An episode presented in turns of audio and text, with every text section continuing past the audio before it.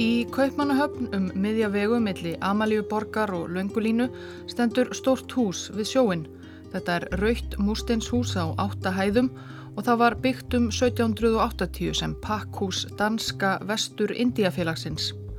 Í gegnum þetta hús flættu bæði ímiskonar vörur frá vestur Indium, eigum í Karibahavi, sem Danir höfðu lagt undir sig í nafni félagsins og svo peningar, hagnaður Dana af nýlendu þeirra í nýja heiminum.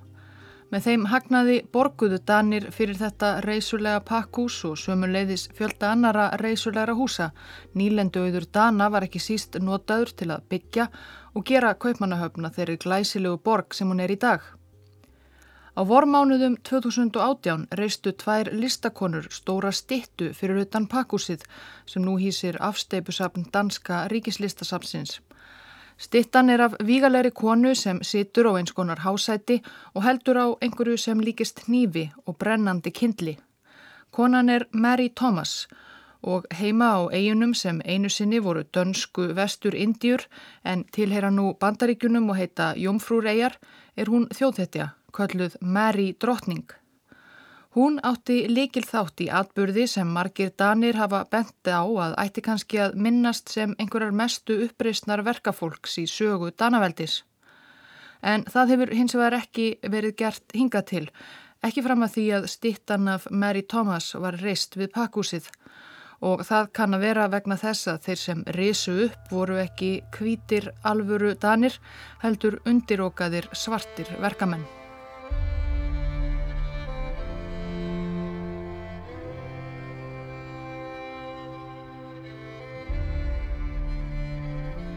Spænski landkönnuðurinn Kristófer Kolumbus uppgötaði eigjar Karibahafsins fyrstur Evrópumanna á síðasta áratug 15. aldar. Á Karibahafinu eru mörg þúsund eigjar af öllum stærðum og gerðum. Kolumbus gekk fyrst í landa á einni af eigjum Bahama-klassans.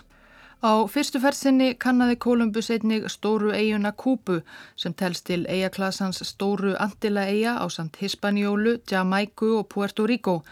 Eigarnar í klasanum sem kallast litlu andila eigar eru miklu fleiri en það allar miklu minni. Spánverjar byrjuðu fljóta að hasla sér völl á hinnum ímsu eigum sem Kolumbus hafði heimsótt en þegar komið var fram á 16. öld byrjuðu ímsir aðrir að líta hýru auga þar eigar sem Spánverjar hafðu þá ekki lagt undir sig, aðrir Evrópumenn, kaupmenn, ævintýramenn og sjóræningar. Á mörgum eigum höfðu einu sinni búið ímiskonar indjána þjóðir en í umrótinu sem fyldi komu Kolumbusar og félaga höfðu þær flestar svo gott sem dáið út eða röklast annað svo að eigurnar voru að mestu óbyggðar. Og það var líka til all nokkurs að vinna. Á þessum tíma varð til hinn svo kallaða þrýhyrningsverslun á Allandshafinu og varð gífurlega arðbær. Evrópumenn seldu ímsan varning til Afríku, vefnað áfengi, skotvopn og fleira og þar siðra á vesturströnd Afríku keiftu þeir einnig þræla sem voru sendir með þartilgerðum þrælaskipum yfir hafið til nýja heimsins, ekki síst til Karibahafseiga þar sem þeir voru neittir til að vinna við landbúnað á plantegrum. Afrakstur þrælavinnu þeirra var svo sendur aftur yfir hafið til Evrópu sem myndaði þriðja horn þrýrningsins, landbúnaðarafurður eins og tópak, bómull og ekki síst sigur sem Evrópu þyrsti sífælt meira í. Þegar í ljós kom hversu vel væri hægt að græða og þrælaversluninni vildu auðvitað allir vera með. Danskir kaupmenn höfðu byrjið að reka áróður fyrir verslun á vestur Indium á fyrstu áratugum 17. aldar en gengið brösulega í fyrstu. Danir beindu sjónum sínum fyrst að einni af litlu andilegjum, Sant Thomas, sem var óbyggð og með gott hafnarstæði. Skip fullt af dönum sildi til eigarinnar 1663 og með í för var sjóari sem jáfnframt hafi verið skipaður landstjóri á inni af Danakonungi sem taldi sig greinilega hafa umbúð til þess þó eigan væri ekki á neitt hátt í eigu Danaveldis.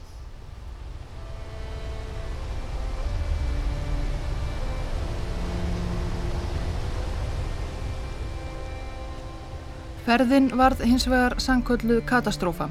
Danska skipið lendi í tveimur stórstormum á leðinni, enskir sjóræningar réðust á það og eldur kviknaði um borð. Skömmu eftir komu og áfangastað veiktist landstjórin og dó. Hinnir landnematnir reyndust illa búnir undir lífið á þessari fjarlægu hitabeltisegu og hrundu sömuleiðis niður af sjúkdómum eða í fellibiljum. Þeir fáu sem enn torðu eftir eitt og halvt ár gáfust upp og flúðu. Þessar hrakvarir voru þó ekki nægar til að draga dampin úr dönum. Örfáum árum síðar, 1671, var danska Vestur Indiafélagið formlega stopnað með leifi Kristjáns V. Danakonungs. Jörgen nokkrum Íversen frá Suður Jótlandi var falið að takaða sér starf landstjóra. Hann var bara 34 ára þegar hann fekk þetta veiga mikla hlutverk en þó þöl reyndur. Hann hafði hætti í skóla 12 ára gamall og ráðið sig á kaupskip sem fór til Karibahafs. Hann hafði svo unnið árum saman sem klerkur hjá ennskum kaupmanni á eiginni St. Christopher sem nú er þekkt sem St. Kitts. Haldið heim eftir um áratug og hagnast vel á viðskiptum við vestur Indíur í félagi við hollenska kaupmenn. Er reyndar síðan mist aðleguna þegar stríð braust út á milli hollendinga og englendinga einu sinni sem oftar 1665. Hann var því óður og uppvægur að taka að sér jobbið á St. Thomas. Ferðin þangað gekk þó heldur ekki sérlega vel. Íversen laði af stað á freikátunni Færium á samt áhöfn og 190 tilvonandi landnemum í oktober 1671. Fáir aðrir danir höfðu verið eins spendir fyrir að koma sér fyrir á St. Thomas og Íversen sjálfur því landnematnir voru að stórum hluta fangar úr dönskum fangilsum sem höfðu ekkert valum að fara eða fara ekki. Fljótlega eftir að lagt var úr höfn kom leki að freikátunni færium og því var gert þryggja mánada viðgerðarstopp í Björgvin. Nýju fangar notuðu tækifærið og lögðu á flóta. Freikátan færigar helt loks áfram ferðsynni í februar og kom til St. Thomas í mæ eftir sjö mánada leiðangur. Á ferðinni yfir Allandshafið höfðu 77 landnemar dáið svo aðeins 104 voru eftir. Þeir gerðu það sitt fyrsta verk eftir landgöngu að flagga danska fánanum á eiginni en kannski var ekki svo miklu að fagna. Rett eins og í fyrstu tilrönd dana til að koma sér fyrir á St. Thomas var mikið mannfall eftir komuna á eiguna. Á fyrsta hálfa árinu létust 75 landnemar, margir voru þegar veikburða eftir langa sjóferð og litlar vistir og þrúandi hitabeltis loftslag, fersksvatt, skortur og erfiðisvinna við uppbyggingu reyndist þeim um megn. Eftir hálft ár voru því aðeins 29 af landnemaflokki Íversens eftir. Landemadnir byggðu virki sem þeir nefndu Kristjánsfort eftir konungi sínum og ruttu skó til að geta byrjað að rækta allt það sem átti að gera þá moldríka, tópak, bómull og sigurir. Eian var nær alþakinn þykkum skógi og þetta var hitt ómögulegasta verk. Jörgen Íversen reyndist og hinn versti harðstjóri sem krafðist þess að þegnar hans strítuðu linnu laust við skóarhökk og landbúnað, mættu alltaf til guðstjónustu og skiptust þar að auki á að standa vörð að næturlægi. Ef skeið kynni að kemur aðvífandi sjóræningjar eða öfundsjúkir spánverjar sem hann vildi meina að væru rasandi að Danir hefði tekið sér þessa óbyggðu eigu. Skömmu eftir komina á St. Thomas um 1674 fóru landnematnir að verða sér út um þræla til aðstóðar við erfiðisvinnuna frá því sem kallað var þrælaströndin, vesturströnd Afríku og næstu árin var stríðurströymur þrælaskipa til dönsku nýlendunar með fullfermi af ungu fólki í hlekkjum.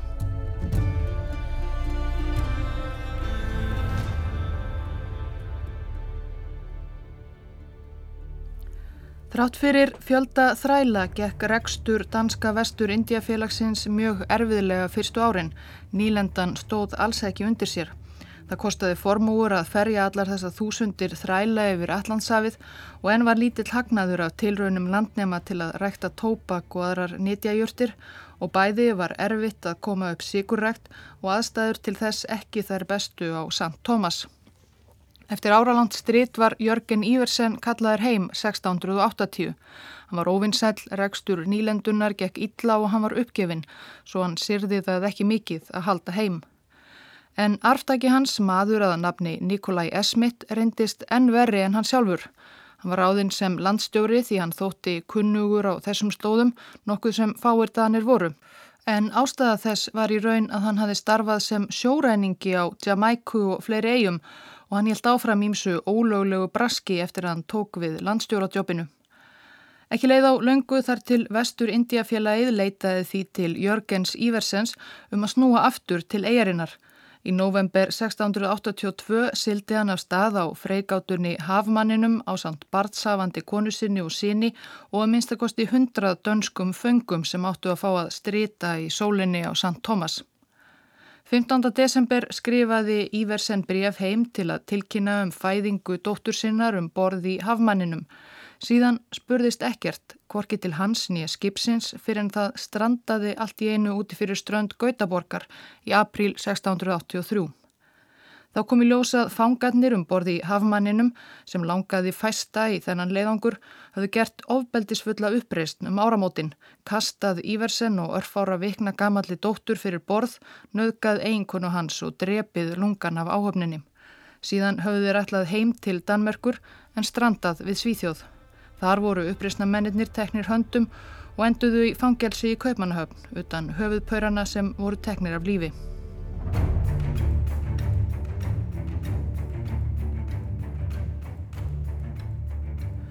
Samkvæmt manntali byggu á St. Thomas árið 1688 730 manns. Þar á voru 338 frjálsir menn, 375 afrískir þrælar og fjórir indverskir þrælar. Alls ekki allir hinnir frjálsu voru danir, mjög snemma fekk nýlenda dana á sig alþjóðlegt yfirbræð því þar settust að bændur og kaupsíslumenn frá öðrum Európulöndum. Þarna 1688 var tæpur helmingur allra frjálsra eigaskekja hollendingar, 18% voru englendingar og aðeins 13% danir. 37 árum síðar, 1725, voru íbúar á eigunni ornir 4814 og þar að voru 93% þrælar. Þá höfðu Danir líka eignað sér næstu eigu til austurs, Santi Ján, sem var um helmingi minni 49 ferkilometrar. Danir höfðu reynar gert tilkall til eigarinnar strax 1675 en lítið gerst þar fyrir en þá þegar planteikuru bændur fóruð að koma sér þar fyrir. Landnefnarnir fóru með þræla sína sem skeppnur. Þó allir hafið þeir heitið eitthvað heima í Afríku, fenguð þeir ný nöfn frá eigendum sínum, oftar en ekki eitthvað niðurlægandi, beinagrindin, uppþornaði, heigull. Þeir eru engin réttindi og aðeins skildur. Sannkvæmt lögum frá 1733 urðu svertingjar að vikja fyrir kvítum á götu, dans, tónlist og gleðskapur svertingja var bannaður við lágu refsingar á borðið húðstrykingar og brennimerkingar. Fótur var hokkin af þeim sem reyndu að strjúka. 1733 var líka árið sem þrælar í dönsku vesturindíum gerðu fyrst uppreist.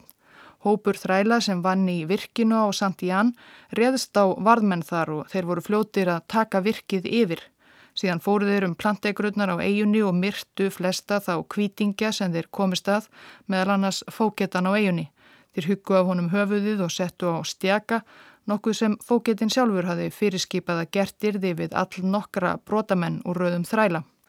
Leittóar uppreysnarinnar voru allir eða höfðu verið áður en þeim var rendi þrældóm mektar menn af Akvamu þjóðinni sem býr þar sem nú er Ghana og markmið þeirra var að setja upp Akvamu ríki á eigunni þar sem fólk af öðrum afrískum þjóðum myndi vinna áfram sem þrælar þeirra. Uppreysnarmönnum Akvamu tókst að halda eiginni um hálft ár. Að lokum þurftu Danir að kalla út hernaðar aðstóð fara á frönskum eigum í nákrenninu til að kveða þá í kútin sem loks tókst um vorið 1734. Santián var aftur á valdi Dana en þetta er ekki í síðasta sinn sem svartir undirsatar þeirra reyndu að fá fram rétt sinn með valdi.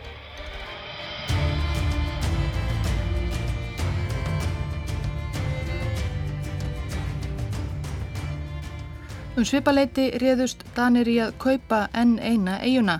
Sant Kra var svipuð Sant Thomas að stærð en talsverðan spöl frá hinnum eigunum tveimur, 60 km til söðurs. Hún var eiginlega óbyggð en tilherði frökkum sem hafðu gert nokkrar tilraunir til að nýta hana án mikils árangus svo þeir seldu hana Olmir til Dana. Reyndar var Sant Kra miklu byggilegri en Sant Thomas og Sant Jan ekki eins fjallend og hendaði miklu betur til sigurreirs ræktunar. En það var það þegar St. Kra kom til sögunar sem nýlenda Dana og vestur Indium fór loksins að standa undir sér. Þar urðu til stórar sigurplantegrur, alls ekki allar í eigu Dana, eins og á St. Thomas var samfélagið alþjóðlegt og margir stærstu landeigundunir á St. Kra voru breskir. Danir höfðu í raun alltaf freka lítinn áhuga á því að setja stað þarna á einhverjum eigum lengst í fjarska. En danska krúnan hagnaðist á öllu saman en það varð samt krá næstu árum að einni helstu sigurræktar miðstöð Karibahafsins.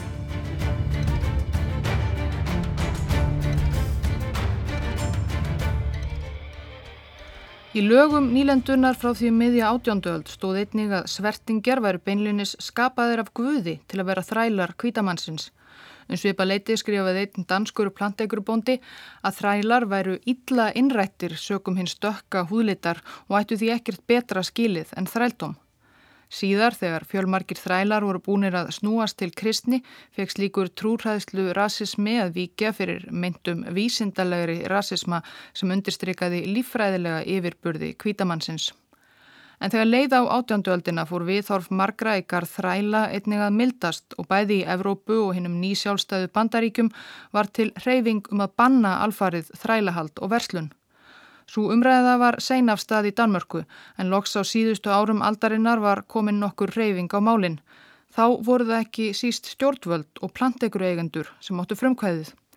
Fjármálar á þeirran Ernst von Schimmelmann sem jáfnframt var stórbondi á St. Croix skrifaði þannig 1792 skýrslu þar sem hann mælti fyrir því að bæta aðbúnað þræla á eigunni. Þá hafði hann átt að segja á því að með því að hugsa eilítið betur um þrælana mætti komast hjá því að þeir dæju unnvörpum ungir eins og raunin var þá og sífelt þyrti því að flytja inn nýja þræla frá Afríku með miklum tilkostnaði fyrir Danska ríkið og dönsk fyrirtæki. Þrælaverslunin var ekki lengur arðbær og að halda úti tengdri starfsemi á vestuströnd Afríku var íþingjandi fyrir danskan ríkisjóð.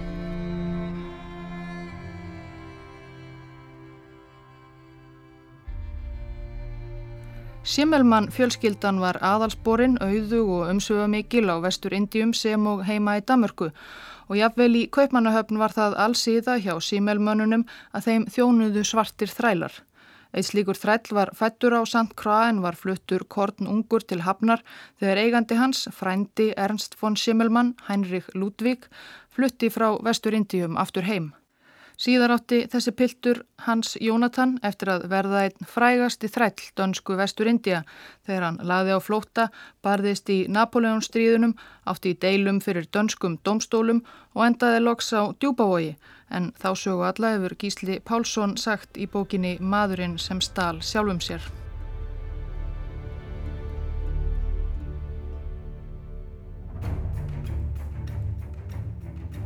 Sama ár sem hinn Simmelmannin, Ernst, skrifaði skýrslu sína 1792, skrifaði Kristján VII Danakonungur undir tilskipun sem bannaði verslun með svertingja undir dönsku flaggi. Danmörk var fyrsta landið sem bannaði þrælaverslun alfarið en þrælasalar og plantegrubændur fengu þó heil tíu ár til að laga sig að nýjum veruleika og, já, sapna liði. Raunin var að á þessum tíu árum streymtu þrælar til dönsku vestur India sem aldrei fyrr og nú með fjárhagslegum stuðningi danskra yfirvalda svo hægt væri að tryggja framtíð nýlendunar og vinnuafl. Frá 1792 til 1802 voru 19.013 Afrikumenn fluttir til dönsku vestur India. Allt í allt er talið að minnstakosti 120.000 Afrikubúar hafi verið fluttir í þrældóm hlekkjaðir um borði í dönskum skipum svo að líkindum var Danmörk sjöunda mesta þrælaverslunar ríki heims á þessum tíma.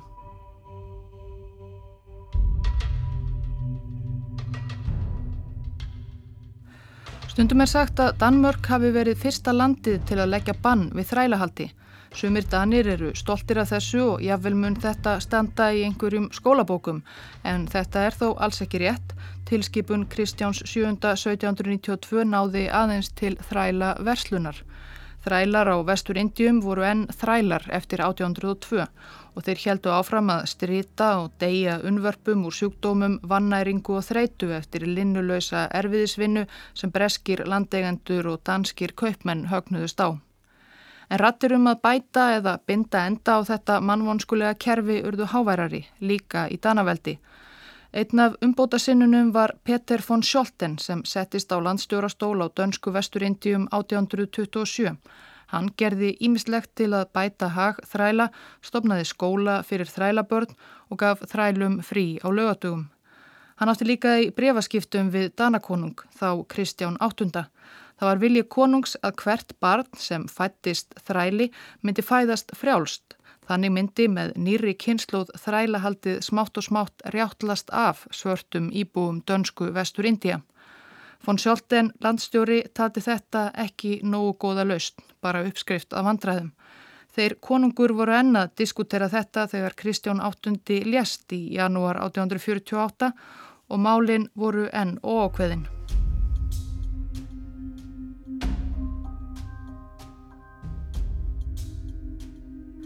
En þá um sumarið fekk von Sjólten veður af því að þrælar á St. Croix, langþreytir á erfiðisvinnu og vonleysi, værið að leggja á ráðinn um aðra uppreist. Samkvæmt gamaltags danskri sögurskoðun var Petur von Sjólten svo mikið góðmenni að hann tók það allt í einu upp hjá sjálfum sér að frelsa þræla dönsku nýlendunar án þess að ráðfæra sig við kong eða prest, allra síst hann fyrrnemda.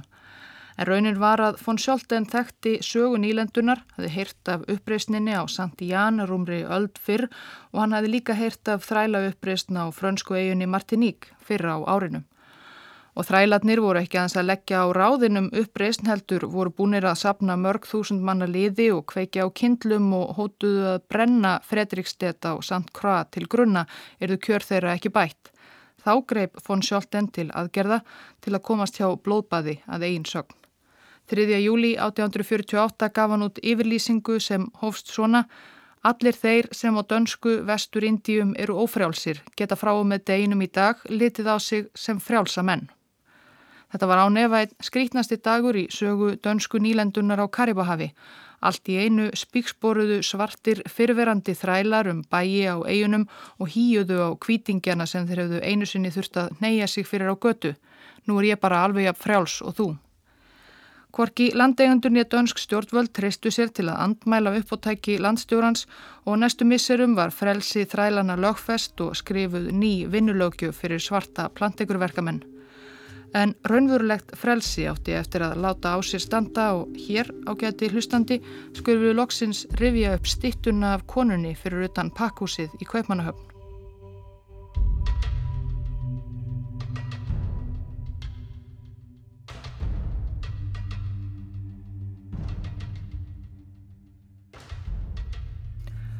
1. oktober 1878 var ekki venjulegur vinnudagur í dönsku vesturindjum.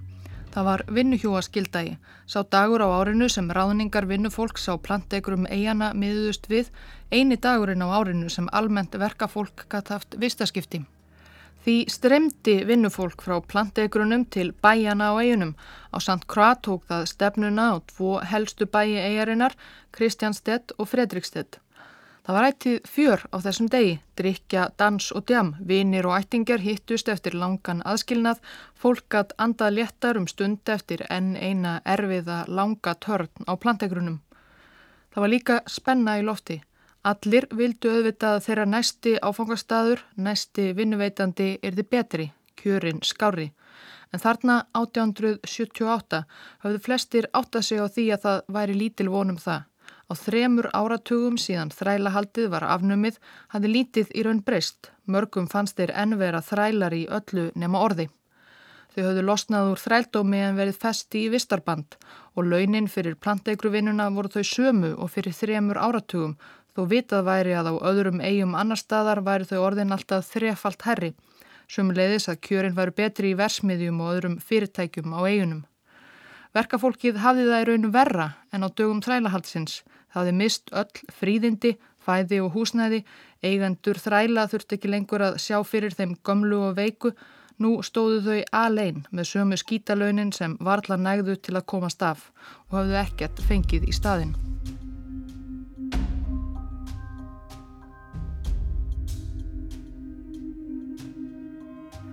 Reyndar höfðu yfirvöld á Sankra orð á því á vinnuhjúa skildaga 1. oktober 1878 væri óvinni rólegt, engin yfirgengileg drikkjulæti eða slíkt.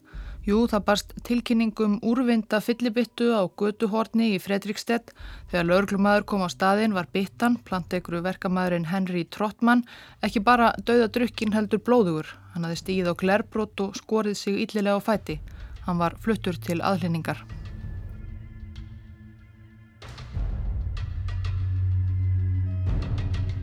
Það var þó margt um mannin á St. Croix þennan dag.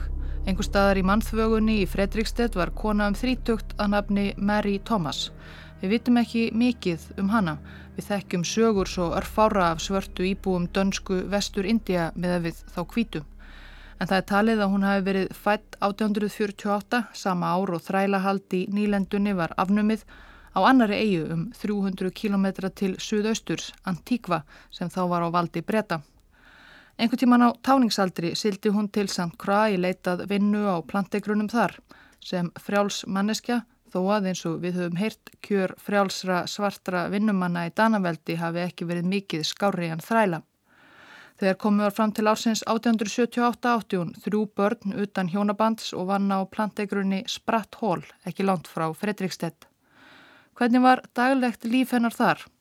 Í bókum Sögu Dana á Vestur Indíum sem kom út í reitstjórn Póls Erik Olsen 2017 ber höfundur það litla sem vitaði er um daglegt líf Mary Thomas og hennar líka saman við daglegt líf þeirra sem voru á hinumenda samfélagspíramítans á St. Croix. Tíu ára sonur skosk ættaðra landeganda Robert Walter Skokk lísti síðar æskusinni um þetta leiti. Hann og sískinni hans voru vakin af þjónustustúlku hálf sjö, klættu sig, fengu te og smörbröð og settu svo við náspækurnar. Nokkrum klukkustundum síðar fengu þau aðra máltíð, kjött og grænmeti. Svo voru kjænslustundir fram til klukkan þrjú, þá var það tennis fyrir drengina og stúlkurnar lærðu á piano. Mary Thomas og félagar hennar vöknuðu fyrr. Hjá þeim byrjaði vinnudagurinn klukkan 6 og hann endaði 6 og þessum 12 tímum fenguðu í eina pásu. Þau voru kannski ekki þrælar lengur en kjörin voru léleg. Réttarstaðan slæm og vinnan á plantegrunum alveg jafn erfið og fyrr og það voru engir pianotímar eða tennis. Lítið meira vitum við um líf Mary Thomas nema að samkvæmt dönskum domskjölum átti hún einnig sagaferil að baki hafi verið handtekinn fyrir smáþjófnað og að hafa beitt eitt barna sinna ofbeldi. En kannski stóðst það þó ekki alveg.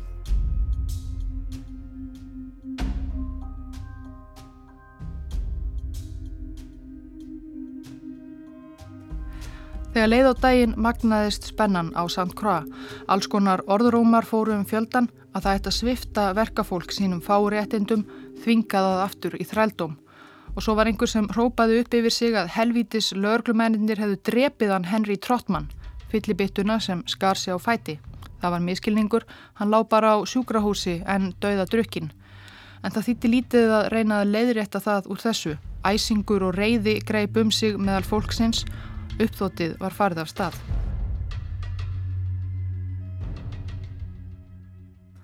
Múur reyðra verkamanna réðst á lauruglustöðuna í Fredrikstedt og lit rigna yfir bygginguna múrsteinum, kuðungum og fallbissukúlum og reyndi áranguslaust að kveika í.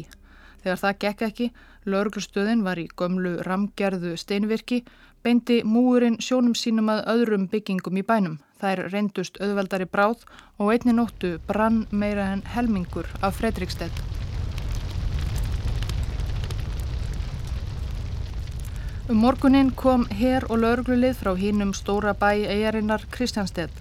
Þeir ráku upprisnamenn út úr bænum, drápu nokkra og handtóku fjöl marga en lungin af uppþótsmönnum hjælt bara áfram út á land með kindla sína og önnur vopn sem þeir höfðu komist yfir með því að láta greipar sópa um brennandi hús Fredrikstedt.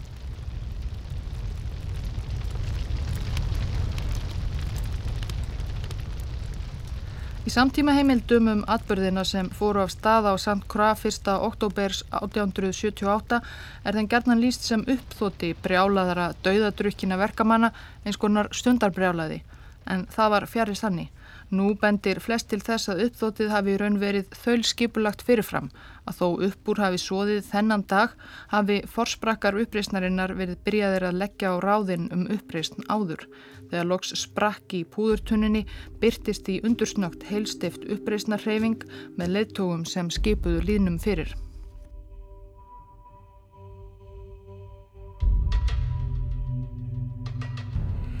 Og margir þessara leðtúa voru konur, verkakonur. Þar fór fremst í flokki Mary Thomas sem við kynntumst áðan. Fáir sagfræðingar trúa því í dag sem stendur í dönskum skjölum að hún hafi verið þjófur og barði börnin sín. Öllu líklega er að dönsk yfirvöld hafi skáldað upp þessa sakaskrá til að kasta rýrð á Mary þegar hún var síðar dæmt fyrir þátt sinn í uppþóttinum. Fátt annað bendir nefnilega til þess að Mary hafi verið einhver krimmi. Þvert á móti bendir margt til þess að hún hafi notið virðingar í nærsamfélagi sínu. Það var á plantegrunni Spratt Hall þar sem hún vann síðast sem hún fekk viðurnefnið Queen, drottning, Queen Mary. Afrískættaðir íbúar á eigunum gáfu nafnbótina Queen fullornum konum sem voru leðtogar í nærumkörfi sínu og tóku að sér skipulagningu viðburða af ímsu tægi, brúðkaupa, jarðarfara, annara helgiatafna, já eða uppreysna.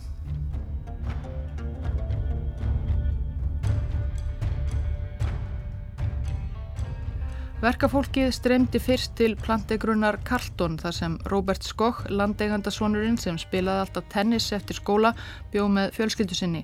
Þau voru þá flúin og verkafólkið brendi hvert einasta hús á plantegrunni til grunna. Síðan heldu þau áfram í skipulögðum flokkum 10 til 12.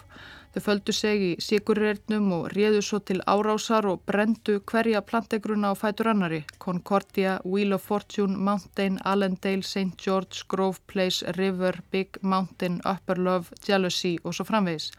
Allt var skipulagt. Konum og börnum var falið að bera romtunnur og flöskur niður í kjallara íbúðarhúsina og kveikja í og meðan karlmennir fóru um aðrar byggingar, hlöður, útihús, vinnuskúra á hverri plantekru og kveiktu í þeim og erðu engum.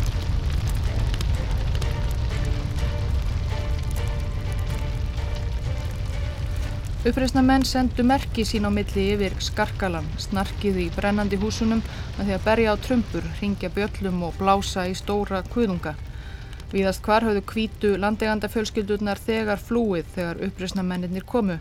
Ef ekki réðust uppreysnamenn þó ekki á þær. Markmiðið virðist ekki hafa verið að drepa kvítamannin heldur bara brenna eigur hans og krefjast þannig betri kjara. Ekki er talið að fleiri en þrýr kvítir menn hafi dáið í uppreysninni 1878. Þaraf voru tveir danskir herrmenn sem voru myrtir á öðrum degi uppreysnar fyrir utan plantegru skokkfjölskyldunar Karlsson. Ekki að það hafi þó ekki verið hiti í fólki. Ekki síst Mary drotningu, samkvæmt munlegri sögu eigaskeggja, netti hún á einum staðnum eiginkonu plantegrubónda til að neyja sig og krjúpa fyrir sér, eins og þrælar höfðu eitt sem þurft að krjúpa fyrir kvítamanninum og kæla sig svo niður með blæveng. Samkvæmt annari sögu varð Mary Thomas og heitti hamsi að hún hrópaði upp yfir sig að þá verkamenn sem ekki tækju þátt í uppreysninni ætti að hálsökva.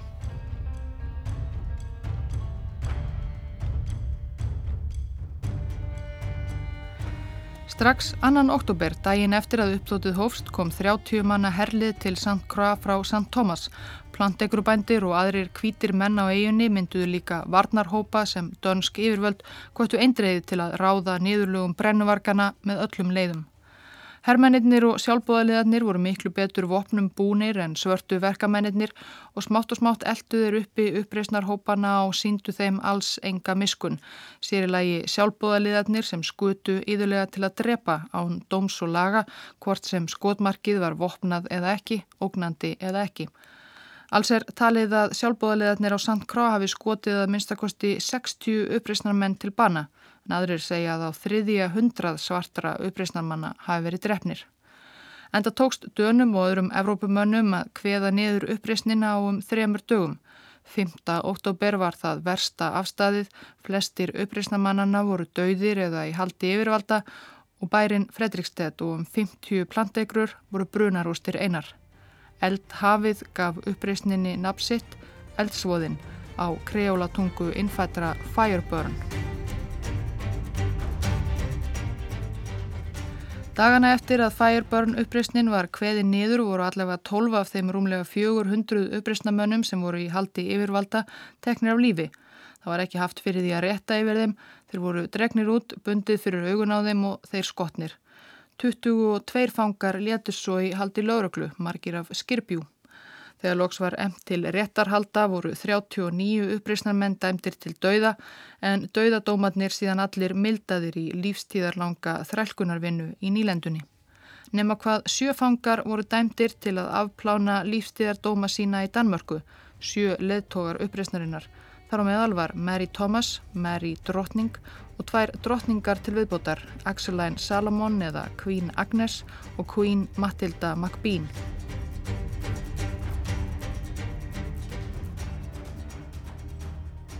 Það er úr lauruglu og dómskíslum danskra yfirvalda sem við höfum upplýsingarnar um að Mary Thomas hafi verið óbeðisfullur þjófur.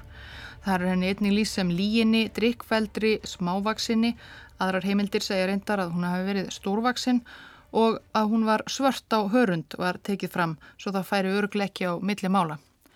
Mary Thomas var í kvennafangelsinu við Kristjánshafni í Kaupmannahöfni í nýju ár til ársins 1887 þegar hún sneri aftur til St. Croix þá líklega um færtugt. Hvað dreif á daga hennar síðan er lítið vitaðum en hún var þá þegar orðin þjóðhetja meðal svartra eigaskekja. Til er frásögn af jólaskrúðgöngu á St. Thomas undir lok 19. aldar sem Mary tók þátt í sem einskonar heiðusgestur. Hún var fremst í göngunni, ein og dansaði hægt og öruglega. Á eftir henni fylgdi fylking kvenna í ljósgrænum kjólum sem allar dönsuðu og sungu Kældu mig, kældu mig, vísun í söguna um Mary drottningu Thomas og kvítu landegenda konuna sem hún netti til að kæla sig með blæveng.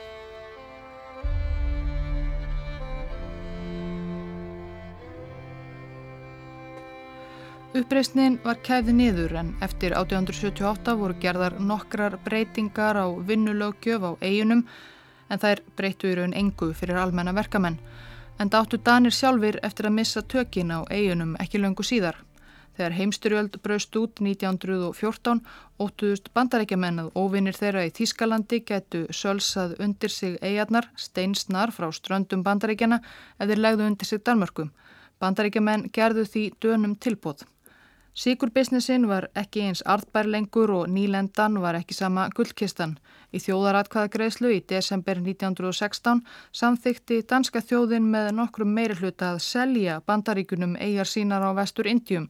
Íbúar eigana höfðu ekki kostningarétt en voru sangkvæmt óformleiri atkvæðagreislu fylgjandi sölunni sömu leiðis. Söluverðið var 25 miljón dólarar, cirka 50 miljardar íslenskra króna á núverði. Í dag heita dönsku vesturindjur því bandarísku jónfrúreyjar. Íbúarnir hafa ekki kostningarétt í bandarískum fórsetakostningum og kjörin fulltrúi þeirra á bandaríkja þingi hefur engan atkvæðisrétt.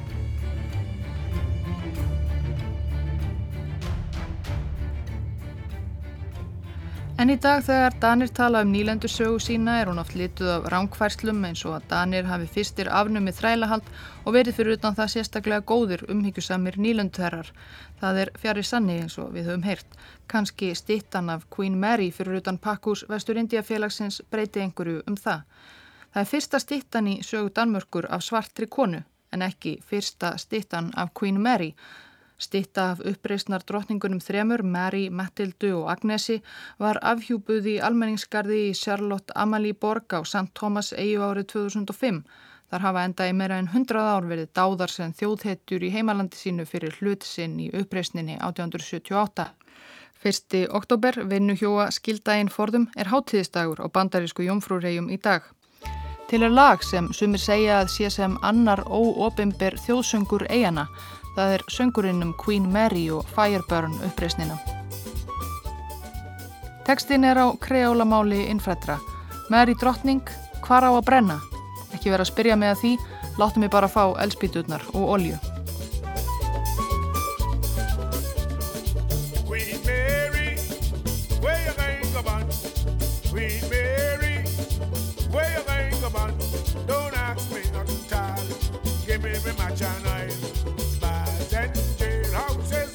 money. Don't ask me not. Just give me my chance, I'm just waiting money.